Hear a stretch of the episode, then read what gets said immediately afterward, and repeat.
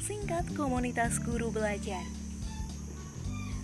Meski telah banyak kebijakan dan intervensi, perubahan pendidikan di ruang kelas masih saja sulit terjadi. Situasi belajar di ruang kelas saat ini tidak jauh berbeda dengan situasi belajar 200 tahun yang lalu. Penyebab utamanya adalah program pengembangan guru yang tidak efektif akibat dari lima salah kaprah ini. Guru malas belajar tanpa insentif tunjangan atau hadiah. Guru dipandang hanya bisa belajar dari pakar pendidikan. Penentuan topik belajar yang mengabaikan konteks dan tujuan. Guru bisa belajar dan langsung berubah dan kompetensi guru dipahami secara individual. Salah kaprah itu membuat belajar tidak memudaya pada kalangan guru. Kebanyakan guru mengajar tapi enggan belajar. Tantangan ini yang mendorong kampus guru Cikal menginisiasi komunitas guru belajar untuk mendobrak salah kaprah tersebut dan mewujudkan bahwa kebutuhan belajar adalah kebutuhan alami guru. Guru lebih efektif belajar dari guru yang lain. Belajar lebih efektif bila guru terlibat menentukan topik belajar. Perubahan perilaku guru dari hasil belajar membutuhkan waktu adaptasi dan guru belajar butuh ekosistem yang menghargai kemerdekaan belajar guru. Komunitas guru belajar adalah komunitas pendidik untuk berdiskusi dan berbagi praktis cerdas mengenai pengajaran dan pendidikan. Komunitas ini percaya bahwa belajar bisa dari siapa saja. Sumber inspirasi bukan figur yang serba tahu dan sempurna, tapi rekan seperjalanan yang realistis dengan pengalaman nyata dan praktis. Seringkali gagal sebelum berhasil, belajar adalah kemerdekaan bagi anak juga bagi guru. Ya, misi komunitas guru belajar dalam berbagi praktik cerdas pengajaran dan pendidikan diwujudkan melalui temu pendidik mingguan, melalui aplikasi Telegram dan WhatsApp, temu pendidik bulanan melalui aplikasi Facebook Live, temu pendidik daerah setiap satu atau dua bulan sesuai kebutuhan tiap daerah, dan temu pendidik Nusantara di setiap tahunnya. Komunitas guru belajar bertujuan untuk menegakkan kemerdekaan belajar, membantu guru berkomitmen pada tujuan belajar, mandiri belajar, merefleksikan proses dan capaian belajar, mengembangkan kompetensi, membantu guru mengembangkan potensi diri melalui beragam cara, secara bertahap dan berjenjang. Kemudian, Memperluas kolaborasi membantu guru mengenalkan dengan berbagai kerjasama untuk menerapkan kompetensinya. Dan yang terakhir, pengembangan karir membantu guru memilih dan mengembangkan pilihan karir yang tepat. Komunitas guru belajar telah hadir lebih dari 145 daerah mulai Aceh hingga Papua. Menariknya, komunitas guru belajar tumbuh secara mandiri lahir dari inisiatif guru sendiri. Guru yang resah akan mandeknya budaya belajar memilih menjadi guru penggerak yang mengajak para guru untuk merdeka belajar. Praktik cerdas pengajaran dari daerah lain dalam bentuk catatan WhatsApp maupun surat kabar guru belajar membantu guru penggerak melahirkan kebutuhan guru di suatu daerah untuk merdeka. Di Semarang, komunitas guru belajar mulai aktif mengadakan kegiatan sejak tahun 2016. Banyak juga kegiatan baik online maupun offline. Komunitas guru belajar Semarang juga berkolaborasi dengan komunitas lain untuk menularkan semangat merdeka belajar ini. Kolaborasi komunitas guru belajar dan kampus guru Cikal menawarkan jalan lain dalam pengembangan guru untuk perubahan pendidikan Indonesia. Jalan yang lebih penuh harapan. Salam Merdeka Belajar, semua murid, semua guru.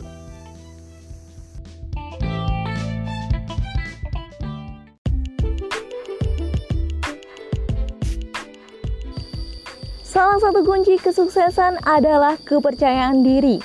Kunci kepercayaan diri adalah persiapan. Assalamualaikum warahmatullahi wabarakatuh. Selamat pagi Sirokumulus. Hari ini hari Senin tanggal 30 November 2020. Hari terakhir pengumpulan laporan mini riset Sirukumulus 2020 ya. Dan terima kasih buat teman-teman yang sudah mengirimkan fix laporan mini riset serta mengisi jadwal presentasi. Untuk submit laporan mini riset, silahkan melalui link bit.ly slash pengumpulan mini riset zero atau teman-teman juga bisa melihat di bagian deskripsi grup Zero Cumulus. Nah, teman-teman, Sore kemarin kakak sudah mengirimkan kit persiapan mini riset by Japri ya. Di situ kakak sudah melampirkan hal-hal apa saja yang perlu kamu persiapkan, kemudian bentuk thumbnail dari live kamu dan room ketika kamu masuk StreamYard serta channel YouTube kamu. Nah, kita akan bahas satu-satu apa saja sih yang akan teman-teman sampaikan di presentasi. Seperti biasa nanti ketika YouTube sudah posisi go live akan dibuka dengan countdown atau hitungan mundur dari detik 30 ke detik 1. Kemudian teman-teman bisa langsung membuka presentasi mini riset ini dan mulai memperkenalkan diri. Silahkan berkenalkan diri siapakah kamu, Kemudian yang kedua, nah ini bagian penting ya teman-teman ya. Setelah kamu menyebutkan judul mini riset kamu, silahkan teman-teman bisa menceritakan apa yang melatar belakangimu memilih riset ini. Bisa jadi nanti kamu ceritakan, oh yang melatar belakangi saya dalam memilih riset ini adalah misalkan tentang keprihatinan saya terhadap lingkungan sekitar sampah yang ada di lingkungan sekitar. Misalnya seperti itu. Kemudian kamu bisa melanjutkan dengan menceritakan bagaimana prosesmu dalam melakukan riset ini. Misalkan saya memulai mini riset ini dengan observasi. Iya, hari pertama tanggal sekian saya melakukan observasi di lingkungan sekitar. Kemudian hari kedua saya mulai mempersiapkan alat dan bahan. Kemudian hari ketiga, keempat, dan seterusnya kamu ceritakan. Nah, setelah kamu menceritakan prosesmu, kamu langsung menceritakan ada nggak ya tantangan yang saya temui ketika saya menggarap project mini riset ini. Nah, setelah itu kamu akan menemukan hal baru pastinya, hal baru atau pembelajaran dari mini riset ini. Silahkan juga diceritakan kepada para pendengar hal baru atau pembelajaran apa yang berhasil kamu temukan. Kemudian manfaat apa yang bisa kamu bagikan terhadap pembaca maupun para pendengar. Gitu ya, teman-teman. Setelah itu, setiap anak sudah mendapatkan pertanyaan dari Kak Titi ya, titipan pertanyaan dari Kak Titi. Bagi yang belum silahkan ditunggu ya. Dan setelah itu kamu bisa menutup presentasimu.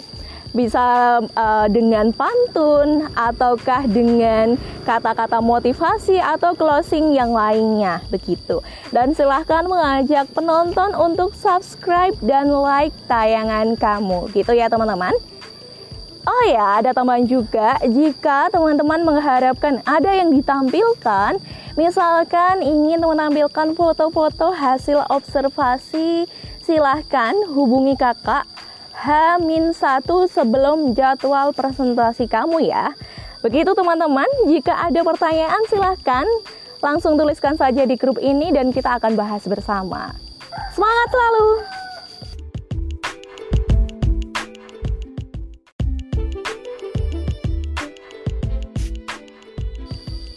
Salah satu kunci kesuksesan adalah kepercayaan diri. Kunci kepercayaan diri adalah persiapan. Assalamualaikum warahmatullahi wabarakatuh. Selamat pagi Sirokumulus. Hari ini hari Senin tanggal 30 November 2020. Hari terakhir pengumpulan laporan mini riset Sirokumulus 2020 ya. Dan terima kasih buat teman-teman yang sudah mengirimkan fix laporan mini riset serta mengisi jadwal presentasi.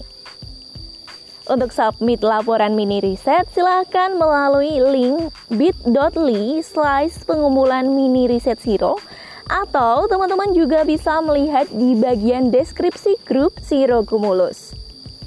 Nah, teman-teman, Sore kemarin kakak sudah mengirimkan kit persiapan mini riset by Japri ya. Di situ kakak sudah melampirkan hal-hal apa saja yang perlu kamu persiapkan, kemudian bentuk thumbnail dari live kamu dan room ketika kamu masuk StreamYard serta channel YouTube kamu. Nah, kita akan bahas satu-satu apa saja sih yang akan teman-teman sampaikan di presentasi. Seperti biasa nanti ketika YouTube sudah posisi go live akan dibuka dengan countdown atau hitungan mundur dari detik 30 ke detik 1. Kemudian teman-teman bisa langsung membuka presentasi mini riset ini dan mulai memperkenalkan diri. Silahkan perkenalkan diri siapakah kamu. Kemudian yang kedua, nah ini bagian penting ya teman-teman ya. Setelah kamu menyebutkan judul mini riset kamu, silahkan teman-teman bisa menceritakan apa yang melatar belakangimu memilih riset ini. Bisa jadi nanti kamu ceritakan, oh yang melatar belakangi saya dalam memilih riset ini adalah misalkan tentang keprihatinan saya terhadap lingkungan sekitar, sampah yang ada di lingkungan sekitar, misalnya seperti itu. Kemudian kamu bisa melanjutkan dengan menceritakan bagaimana prosesmu dalam melakukan riset ini. Misalkan saya memulai mini riset ini dengan observasi. Iya, hari pertama tanggal sekian saya melakukan observasi di lingkungan sekitar. Kemudian hari kedua saya mulai mempersiapkan alat dan bahan. Kemudian hari ketiga, keempat dan seterusnya kamu ceritakan. Nah, setelah kamu menceritakan prosesmu, kamu langsung menceritakan ada nggak ya tantangan yang saya temui ketika saya menggarap project mini riset ini. Nah, setelah itu kamu akan menemukan hal baru pastinya, hal baru atau pembelajaran dari mini riset ini. Silahkan juga diceritakan kepada para pendengar hal baru atau pembelajaran apa yang berhasil kamu temukan. Kemudian manfaat apa yang bisa kamu bagikan terhadap pembaca maupun para pendengar. Gitu ya, teman-teman.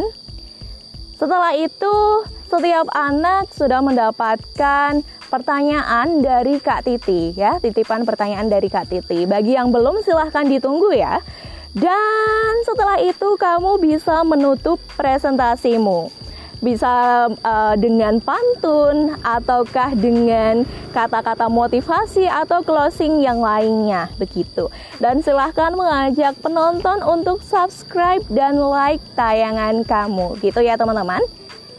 Oh ya, ada tambahan juga jika teman-teman mengharapkan ada yang ditampilkan, misalkan ingin menampilkan foto-foto hasil observasi, silahkan hubungi kakak H-1 sebelum jadwal presentasi kamu ya. Begitu teman-teman, jika ada pertanyaan silahkan langsung tuliskan saja di grup ini dan kita akan bahas bersama. Semangat selalu!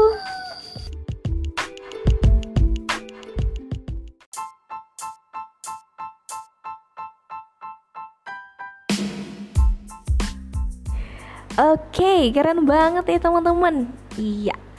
Hari ini teman-teman Sirokumulus sudah melaksanakan live semester cerianya yang pertama di hari Selasa tanggal 1 Desember 2020 Kita sudah menyimak dan menyaksikan live dari siang tadi pukul 13.00 sampai sore ini pukul 17.30 Tadi ada dibuka dengan Rayaka dengan wirausaha online-nya, kemudian disusul dengan nalar dengan sang ilmuwan berpengaruh dan di sore harinya disusul dengan Keanu bercerita tentang pupuk POC-nya untuk tanaman stroberi dan Kemudian ditutup dengan Akela bercerita tentang perkembangan industri musik di era globalisasi. Ya, teman-teman sudah keren semuanya, sudah percaya diri dan berusaha semaksimal mungkin untuk memberikan yang terbaik di presentasi semester ceria kali ini. Ya, teman-teman, terima kasih juga untuk keluarga Siro Kumulus, ayah bunda, teman-teman semuanya sudah meramaikan sore hari ini, siang tadi juga dalam mendukung, mensupport teman-teman yang live pada sore hari ini dan siang tadi. Ya, Jangan lupa besok tanggal 2 Desember 2020 kita masih akan live ya dari Siro Kumulus TV. Ada siapa? Iya. Pukul 1 nanti kita akan bertemu dengan Mas Raihan ya dengan topik cangkang telur untuk tanamanku. Kemudian disusul dengan Mas Faza dengan aplikasi-aplikasi penting yang mendukung belajar onlineku. Lalu sore harinya ada Mas Omar dengan perjuangan Edison membuat lampu dan ditutup dengan Mas Arfa. Pemanfaatan sifat magnet membuat alat pembersih paku dari barang bekas. Oke, jangan lupa untuk besok tetap stay tune ya. Dan terima kasih untuk hari ini Mas Raya, Mas Nalar, Mas Keanu dan juga Mas Akela. Terima kasih juga untuk keluarga Siro. Wassalamualaikum warahmatullahi wabarakatuh.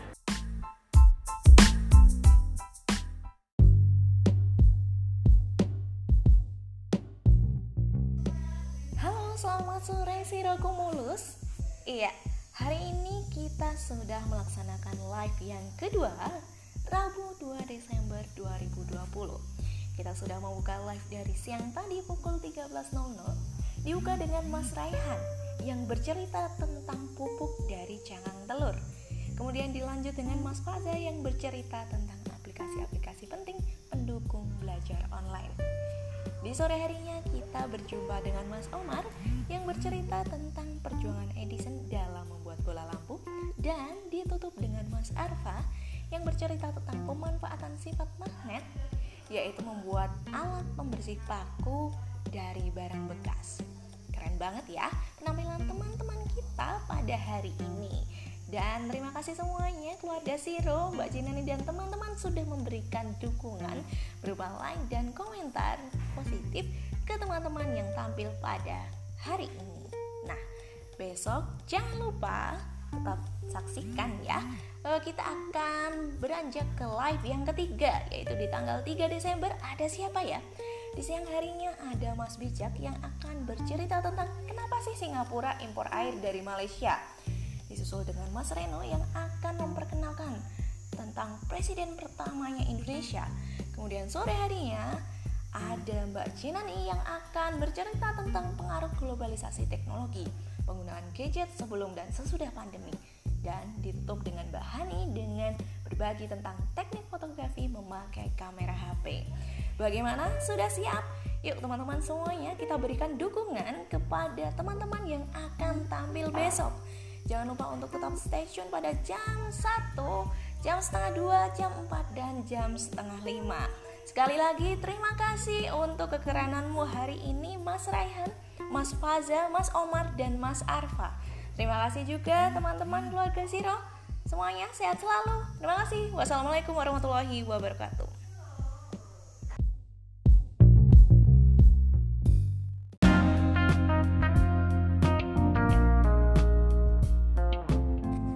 Kumulus.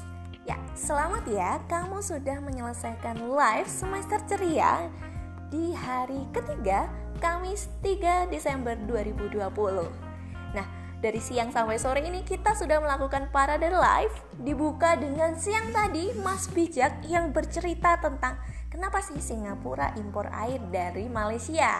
Kemudian pukul setengah dua disusul dengan Mas Reno yang menceritakan tentang Bapak Proklamator Indonesia, IR Soekarno. Di sore harinya kamu berjumpa juga dengan Mbak Cinani yang menceritakan tentang pengalaman observasinya tentang penggunaan gadget sebelum dan sesudah pandemi. Dan Kemudian ditutup oleh Mbak Hani yang bercerita tentang teknik fotografi menggunakan kamera HP. Keren ya, empat teman kita yang sudah tampil pada siang dan sore hari ini. Semuanya sudah percaya diri dan berusaha semaksimal mungkin.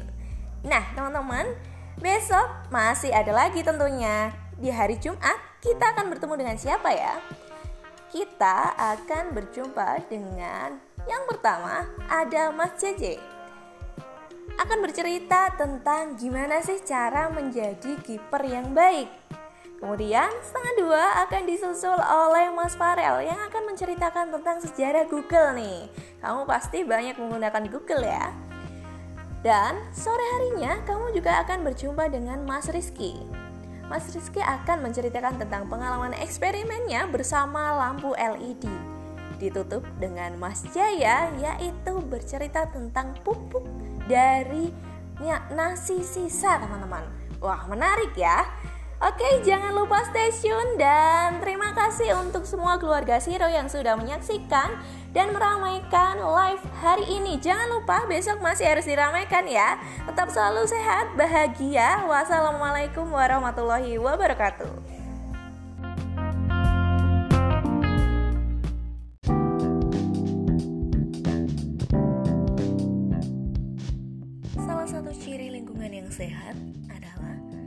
Pohon yang tumbuh dengan rindang.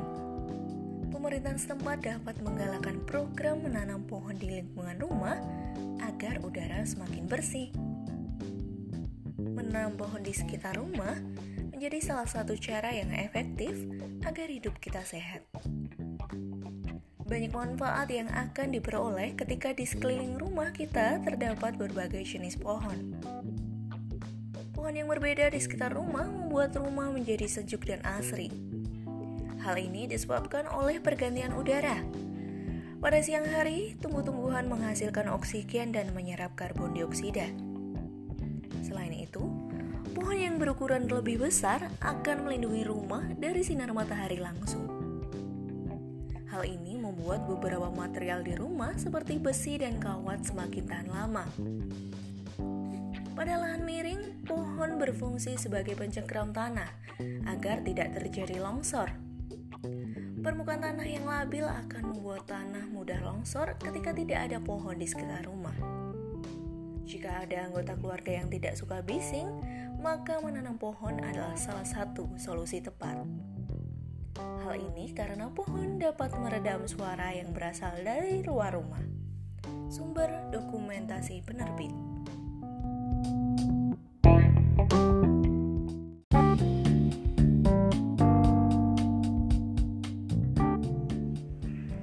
Satu ciri lingkungan yang sehat adalah banyak pohon yang tumbuh dengan rindang.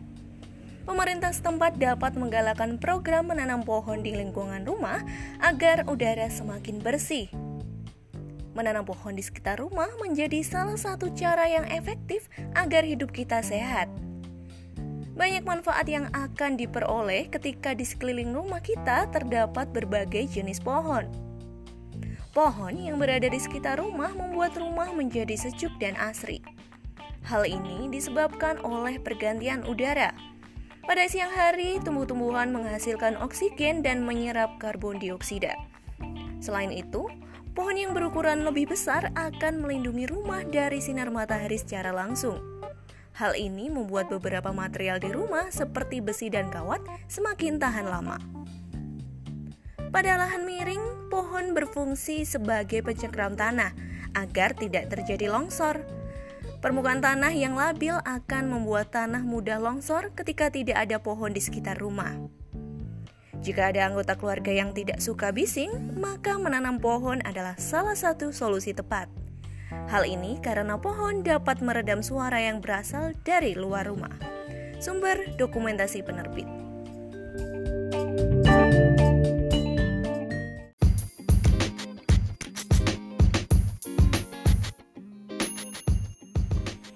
Assalamualaikum, selamat pagi Mbak Fei Barokallah fi umrik, selamat ulang tahun ya. Semoga Mbak Fei sehat selalu. Kemudian dilancarkan rezekinya, dilancarkan sekolahnya, belajarnya. Selalu jadi yang terbaik dari dirimu. Selalu jadi bintang, selalu jadi kebanggaan keluarga dan apa yang kamu cita-citakan. Semoga terwujud ya, Nok. Amin. Love you.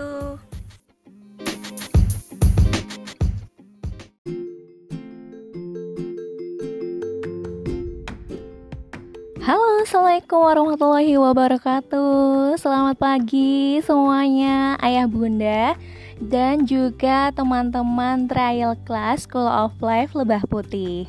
Nah, Kak Rosa menyapa dari atas sini nih.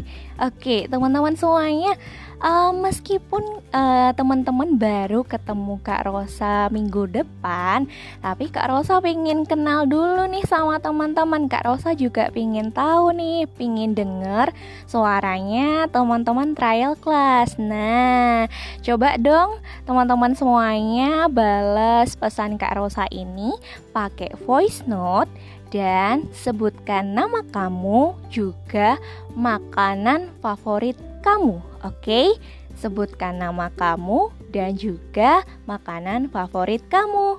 Oke, Kak Rosa tunggu ya.